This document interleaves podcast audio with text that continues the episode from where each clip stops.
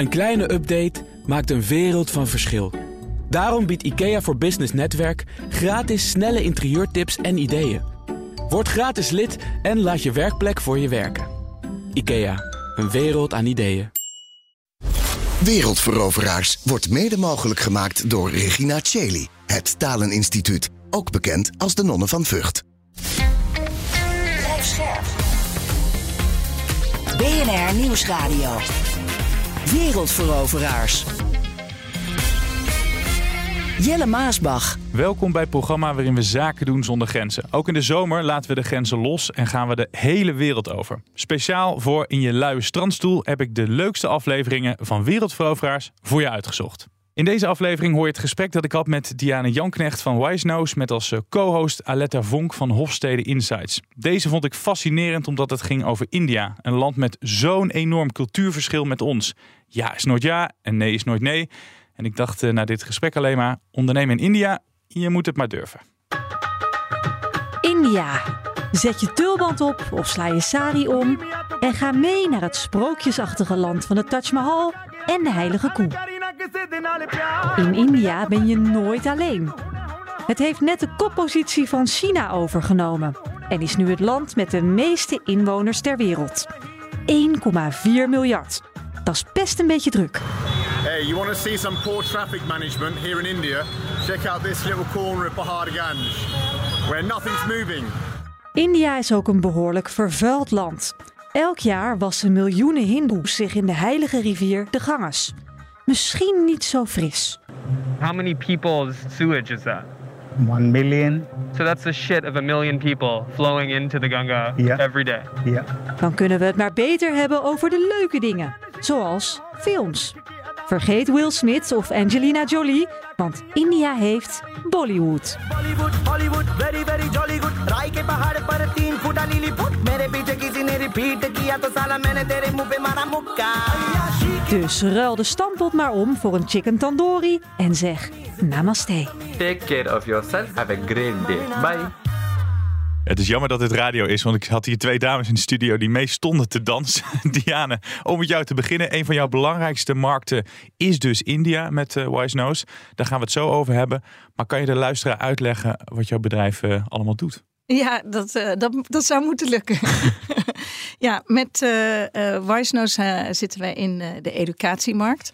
En we hebben een platform gemaakt waar we ons bezighouden met educatieve content. En eigenlijk zeggen we van waarom moeten publishers nou de hele tijd allemaal nieuwe content maken als er al zoveel informatie is? Er is eigenlijk een soort van informatieoverload. En laten we nou gewoon informatie die er al is gaan brengen aan de leerling, student of, of docent op een hele moderne manier met behulp van artificial intelligence. Dus wat wij doen is eigenlijk de beste informatie van het internet halen, uh, checken op betrouwbaarheid, op relevantie en die dan aanbieden aan de uh, student als ze door een curriculum gaan, als ze door een leerstof gaan. En dat doen we in, op de lagere school, middelbare school, zeker ook beroepsonderwijs, heel mm -hmm. veel daar, maar ook de professionele markt. Ik had vroeger scholieren.com. Daar haalde ja. ik dan af en toe stiekem mijn boekverslag uh, vandaan. Ik hoop niet dat mijn oude docent Nederlands aan het meeluisteren is. Knapperd. je zou kunnen zeggen, je kan wat artikelen bij elkaar googlen. Maar we hebben het nu op BNR heel vaak over dat chat GPT. Dan ja. voer je wat dingen in en dan komt er wat uit. Jullie zijn eigenlijk uh, goede hulp in deze tijden. Ja, uh, ja, eens. Dus uh, um, eigenlijk zeggen we dat internet is zo groot geworden en er staat ook zoveel rotzooi op dat um, je kan het natuurlijk allemaal gaan vinden, maar dat kost waanzinnig veel tijd en de gemiddelde uh, leerling of student is binnen vijf minuten afgeleid. Dus dan kom je één niet waar je terecht moet komen, maar twee weet je ook nooit zeker of je nou echt het beste resultaat hebt gevonden wat er in die miljoenen en miljoenen aan content staat. Dus wat wij doen is die voorselectie en we besparen zowel de docent als de uh, leerling of student heel veel tijd door precies het juiste resultaat op het juiste moment aan te bieden. En is het die middelbare school, uh, scholier of is het ook degene die naar, de, naar het hoger onderwijs uh, gaat? Ja, dus wij, we zijn eigenlijk, wij gaan vanaf van jong naar oud. Mm -hmm. um, sommige bedrijven die kiezen om meteen in te zetten op de universiteit bijvoorbeeld. Wij zetten in, wij denken dat de hulp het grootste nodig is op lagere school, middelbare school, beroepsonderwijs en daarna eigenlijk eigenlijk universiteit die uh, studenten die kunnen redelijk zoeken, ook niet heel goed zoeken overigens. Dat kan bijna niemand namelijk, dat is heel ingewikkeld. Um, maar vandaar dat wij iets meer inzetten op, uh, op uh, ja, wat je dan in het Engels noemt K-12. Dus van kindergarten tot grade mm -hmm. 12. Dus van, van, van 4 tot 18. Maar ook het beroepsonderwijs. Klinkt heel internationaal. Jullie zijn ook internationaal hè? Ja. Um, alleen Nederland, dan zou je niet aan een, een, grote pool komen. Hoeveel klanten hebben jullie wereldwijd? Hoeveel gebruikers, kan ik beter zeggen? Ja, dus het afgelopen jaar zijn we geëindigd op uh, 4,5 miljoen uh, leerlingen die we daarmee bereiken. Of studenten of uh, docenten. Dat is heel veel. nou, ja. dankjewel. een van je belangrijkste markten is India. Ja. We waren al aan het meedansen op de muziek uit India. Uh, waarom heb je gekozen voor dat land? Ja, dat was inderdaad wel een, uh, een, uh, iets wat een klein verhaaltje heeft. Dat um, als je op een gegeven moment aan het internationaliseren bent. Nou, ik heb gedaan wat heel veel Nederlandse bedrijven doen. Eerst naar de UK. 45 minuten vlucht, dus daar ben je vrij snel. En toen moest ik eigenlijk een keuze maken. Ga ik door in Europa? Ga ik naar Amerika? Of kijk ik verder? En um, ik deed een, een, een, wereldwijde marktanalyse. En ja, voor mijn uh, business waren de cijfers in Azië, maar ook in Midden-Oosten, zoveel positiever dan uh, de US. Dat, uh, dat ik uiteindelijk iets heb gekozen wat niet heel veel Nederlandse start-ups doen. En echt vol ja. gekozen om naar India te gaan. Want die andere landen die jij noemt, dat zijn ook altijd landen die vaak voorbij komen, wereldveroveraars. Ja. Maar wat was dan het positieve? Zijn ze daar meer met onderwijs bezig daar in Azië? Ja, dat waren een heleboel, een heleboel cijfers. Dus als eerste is het land in groei. Als je kijkt naar het bruto nationaal product, dan zie je dat daar een prachtige groei is. Dus het land heeft mogelijkheden. Er is een gigantische middenklasse die aan het opkomen is. Nou, je zei zelf al in het promotje 1,4 miljard mensen. Die middenklasse, wil jij um, zeg maar iets succesvol, succesvoller worden of je familie gaan helpen, dan is de route naar succes educatie. Dus educatie is daar ook heel erg belangrijk. En de aantallen zijn natuurlijk groot.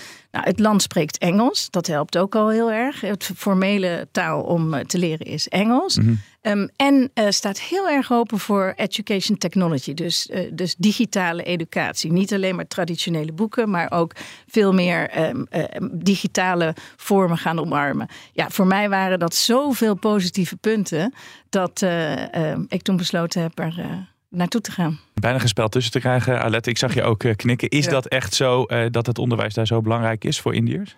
Ja, dat klopt absoluut. Ik denk dat het inderdaad een hele goede keuze is.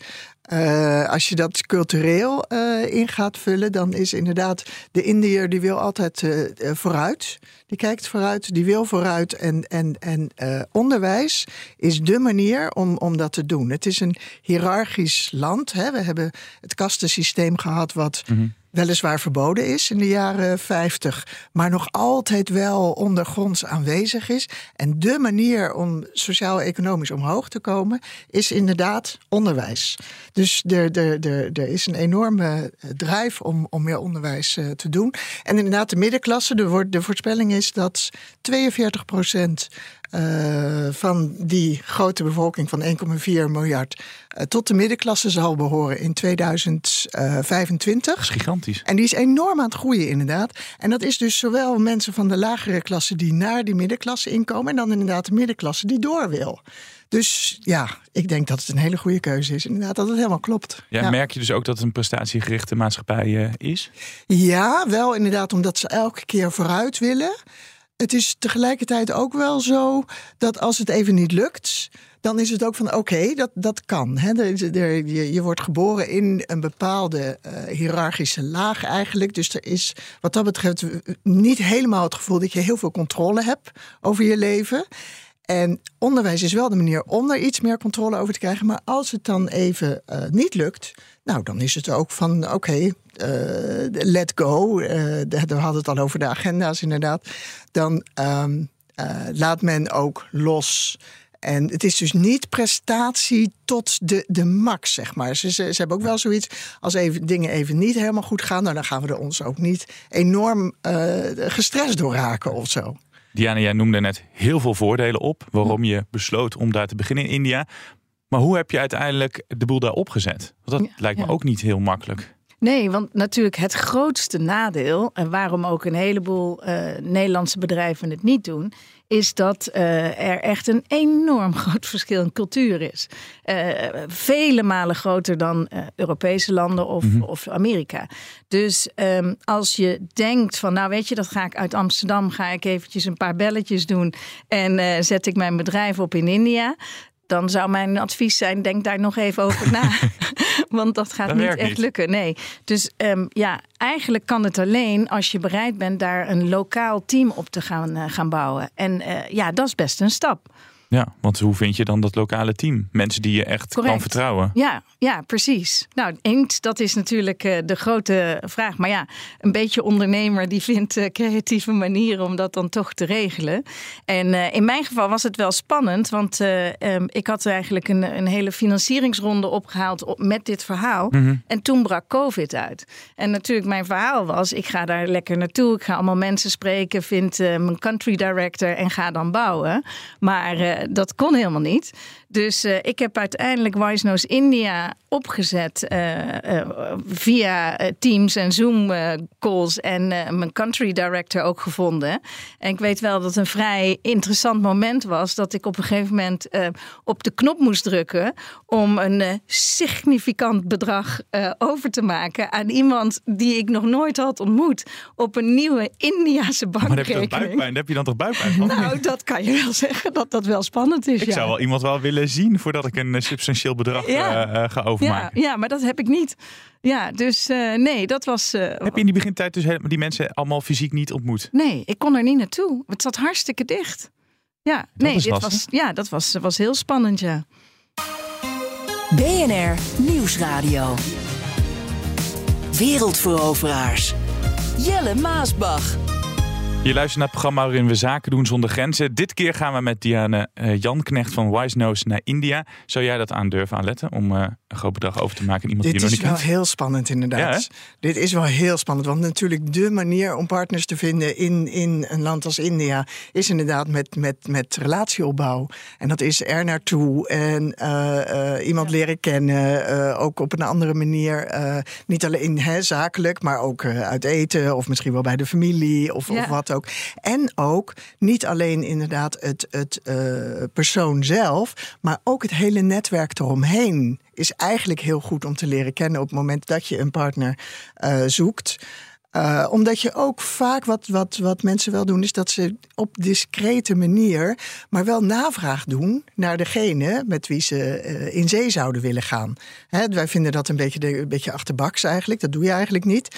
Maar ehm, dat is wel de manier waarop het collectief Mhm. in, in een relatiegerichte maatschappij gewoon werkt. Dus je, je, je, eigenlijk wat je zou moeten doen, is ook navraag doen. Ik weet niet of je dat ook via Zoom misschien toch gedaan hebt.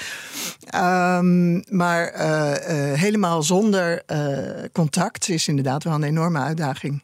Ja, het is best wel een leerschool als je zo moet starten. Dus je had ze niet gezien. Dan op een gegeven moment begint het. Je hebt dat bedrag overgemaakt. Dan gaat het ook over contracten. Ja. Hoe gaat dat in zijn werk? Ja, dat was ook een vrij eh steile leercurve voor mij. Ehm, omdat wij natuurlijk gewend zijn aan een, aan een heel juridisch systeem en aan een manier van, van zaken doen. En je werkt, eh, je hebt een hele pijplijn en je werkt naar een contract. En dan is die signature voor ons, die handtekening onder dat contract, is super belangrijk. Nou, dan deal. Um, en dus eh, deed ik een beetje hetzelfde met dat Indiaanse team. Van jongens, waarom zie ik geen handtekening? Waarom zie ik geen handtekening? Op een gegeven moment waren ze het zat. Zeiden ze, ja joh, als jij een handtekening wil, hier heb je een handtekening. Ik denk, nou, top. dat, eh, die hebben we binnen. Maar zo werkt dat helemaal niet in India. Want wat je, wat je moet weten, en dat is wel echt heel ingewikkeld... is dat als je een relatief klein bedrijf bent... dan is er geen juridische backbone. Dus jij kan wel zeggen, ik heb een contract, het Mhm. is getekend... en eh, jij zou mij nu moeten betalen. Nou, zegt die klant dan, succes, ik zie je in koord.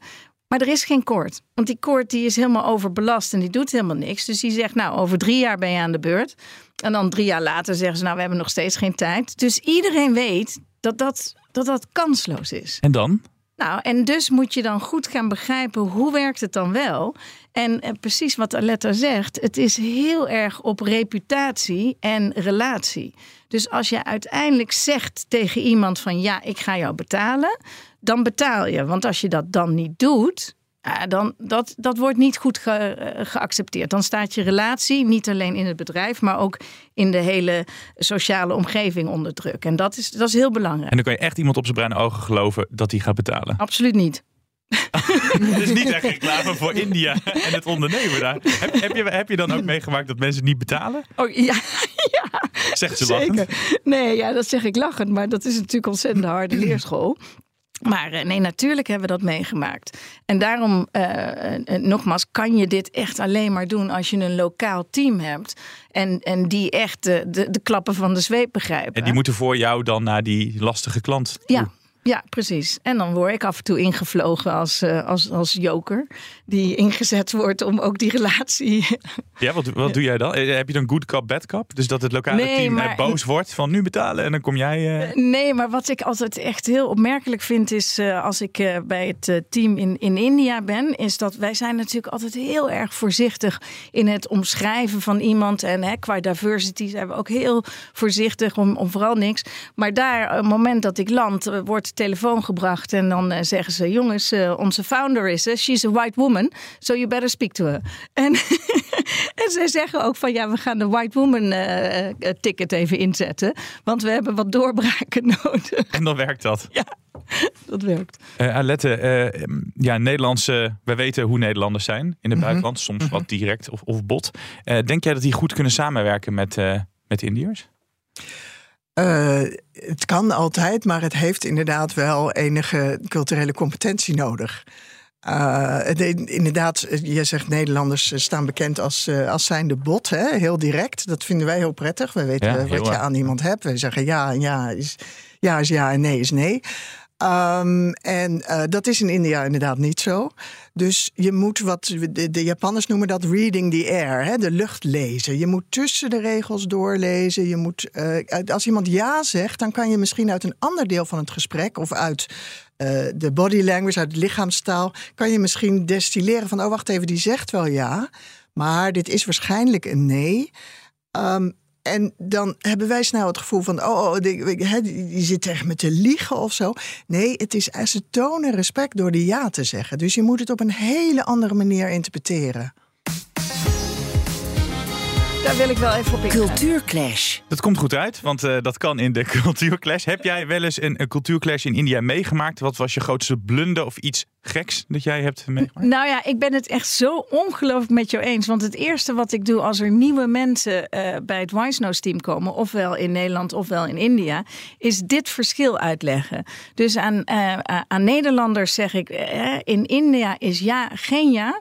Maar nee is ook geen nee. Dus je moet echt door blijven praten, want eh, het is helemaal niet zo zwart-wit. Maar die Indiërs leg ik uit, als je het niet zegt, dan begrijpen wij het niet. Dat, die skills hebben wij niet. Dus, en in ons land is ja, ja en nee, nee. Dus een nee is ook echt een nee. En zorgde dat wel eens tot een mooie blunder? Oh, nou, dat zorgt toch tot, tot gigantisch veel, eh, veel blunders. Nou, ja. brand los. Ja.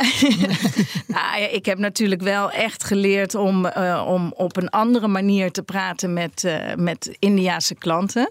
Overigens vind, staan die Indiërs heel erg open ook wel voor eh, de openheid van Europa, Ehm, maar niet te veel. En ehm, ik weet dat we hadden drie nieuwe mensen in het Indiaanse team. Toen dacht ik, nou, laten we het gaan hebben over de Wise Nose values en, en, en cultuur en zo met een wat grotere groep. En eh, wat ik heel leuk vind is dat ik een heel divers team heb. Maar in die eerste week kwam eh, een van mijn directeuren aan het woord die uitgebreid vertelde hoe hij samen met zijn partner eh, hun kind aan het opvoeden was. En dat hij af en toe toch ook tegen problemen aan, eh, aanliep als twee mannen. Nou, ik geloof dat die Indiërs aan de beademing moesten. Die hadden echt zoiets van: wat gebeurt daar allemaal in Amsterdam? En, en dat daarover gesproken wordt. Met name dat. Dat vonden zij heel, eh, dat heel gek. Heel awkward, heel raar. En dat gesprek daarna ging moeizaam dan? Nee, nou, dat heb ik wel moeten uitleggen. Dat het eigenlijk fantastisch is als er over gesproken Ja. kan worden. Ja. En daar waren ze ook wel mee eens. Maar dat was zo ver van, van wat er in India besproken zou worden. Dat was wel. En hun eerste week. Ja.